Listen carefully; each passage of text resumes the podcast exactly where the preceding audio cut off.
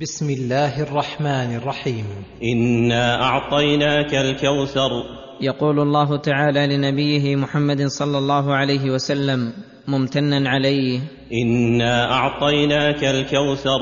أي الخير الكثير والفضل الغزير الذي من جملته ما يعطيه الله لنبيه صلى الله عليه وسلم يوم القيامة من النهر الذي يقال له الكوثر ومن الحوض طوله شهر وعرضه شهر. ماؤه أشد بياضا من اللبن وأحلى من العسل آنيته كنجوم السماء في كثرتها واستنارتها من شرب منه شربة لم يظمأ بعدها أبدا ولما ذكر منته عليه أمره بشكرها فقال فصل لربك وانحر.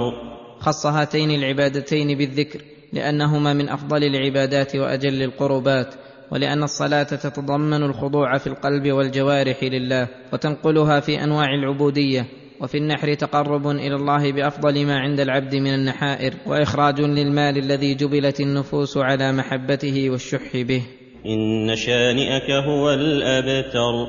إن شانئك أي مبغضك وذامك ومنتقصك هو الأبتر أي المقطوع من كل خير مقطوع العمل مقطوع الذكر.